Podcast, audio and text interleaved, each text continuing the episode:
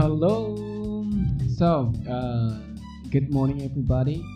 Here I am. I'm Mr. Lang. I'm going to tell you the first podcast for your learning English or English learning materials. Sangat uh, menyenangkan sekali ya kita ngomongin tentang materi pertama dalam pembelajaran bahasa Inggris kamu. Terkhusus buat kamu yang belajar tenses atau grammar. Materi pertama yang akan saya bahas dalam podcast ini adalah the understanding of sentence. Jadi memahami kalimat dalam bahasa Inggris memang perlu kamu pelajari sebelum kamu mengenal banyak kalimat, banyak pola kalimat, banyak jenis kalimat dalam bahasa Inggris. Seperti halnya dalam bahasa Indonesia, kita mengenal pola kalimat subjek, predikat, objek keterangan, dan minimal sebuah kalimat disebut kalimat atau susunan kata disebut kalimat apabila terdiri setidak-tidaknya dari subjek dan predikat. Itu dalam bahasa Indonesia. Nah, dalam bahasa Inggris, kalimat juga seperti itu. Kalimat terdiri dari subjek, verb, object, complement untuk membentuk sebuah kalimat sempurna. Tapi untuk menjadi sebuah kalimat sederhana, setidak-tidaknya gabungan kata harus terdiri dari subjek dan verb atau subjek dan kata kerja. Maka setiap kali kamu membuat kalimat atau setiap kali kamu menganalisa sebuah kalimat, pastikan kamu menemukan subjek atau verb dalam susunannya. Apabila kamu tidak menemukan susunan subjek dan verb, berarti itu bukan kalimat. Bisa saja praise, seperti itu. Lalu, dalam pengembangannya, kalimat ini nanti akan dikembangkan menjadi banyak, menjadi kalimat yang bukan hanya subjek verb, tapi juga terdiri dari objek, uh, objek dan complement dan sebagainya, seperti jenis SPOK dan lain-lainnya.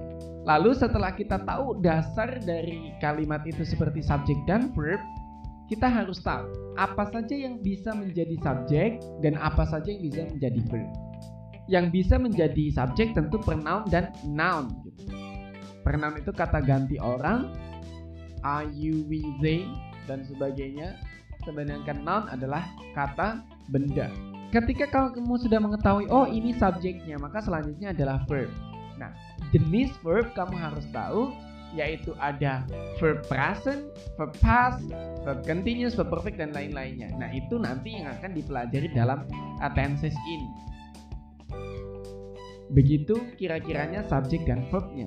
Tapi bukan hanya itu saja, kamu juga harus mengetahui bahwa kalimat ini nanti akan dibagi menjadi banyak jenisnya.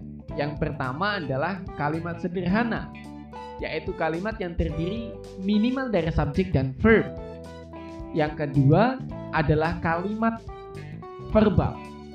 Kalimat verbal adalah kalimat yang verbnya adalah verb inti atau verb utama. Bisa saja verb 1, verb 2, verb ing, will verb dan sepertinya. Itu disebut dengan uh, kalimat verbal. Yang kedua, kalimat nominal. Kalimat nominal adalah kalimat yang inti kata kerjanya bukan kata kerja asli, tapi bisa saja kata kerja bantu yaitu be, am, is, are, was, were, dan sebagainya. Nah, untuk memahami subjek uh, kalimat verbal dan kalimat nominal ini bisa diibaratkan seperti ini. Kalimat verbal adalah kalimat yang inti dari pembahasan kalimatnya adalah sebuah kata kerja atau verb. Sementara kalimat nominal adalah inti dari pembahasan dalam topik kalimat bukan berupa kata kerja, tapi bisa saja adjektif kata sifat, bisa saja noun kata benda, atau bisa saja adverb kata tempat. Contoh, saya makan ayam. Intinya adalah makan di situ berupa kata kerja. Berarti ini adalah kalimat verbal. Yang kedua, saya lapar. Intinya kan saya lapar di situ lapar intinya. Lapar berupa adjektif, bukan kata kerja. Berarti itu kalimat nominal. Nah, dari kalimat verbal dan nominal ini nanti masih ada lainnya juga, yaitu kalimat aktif dan pasif. Kalimat aktif dan pasif ini merupakan kalimat pengembangan dari tipe kalimat verbal karena kalimat nominal tidak ada kalimat pasif. Kalimat aktif adalah kalimat yang subjeknya melakukan pekerjaan. Contoh, saya membeli mobil. Oke, subjeknya saya melakukan pekerjaan membeli. I buy a car. Kalau pasif, subjeknya dalam kalimat dikenai pekerjaan. Contoh, saya dipukul Bambang. I am punched by Bambang. Subjeknya I tapi tidak melakukan pekerjaan atau tidak melakukan activity mem uh, memukul tapi malah dikenai activity uh, dipukul. Itu disebut kalimat pasif. Nah, saya rasa ini adalah jenis kalimat yang harus kamu ketahui untuk sementara ini. Nanti akan ada pengembangan lain-lainnya. Untuk podcast pertama saya rasa sangat cukup. This is really enough for your first lesson. I hope you will enjoy to listen to this podcast. And then don't forget you will have ebook too to read.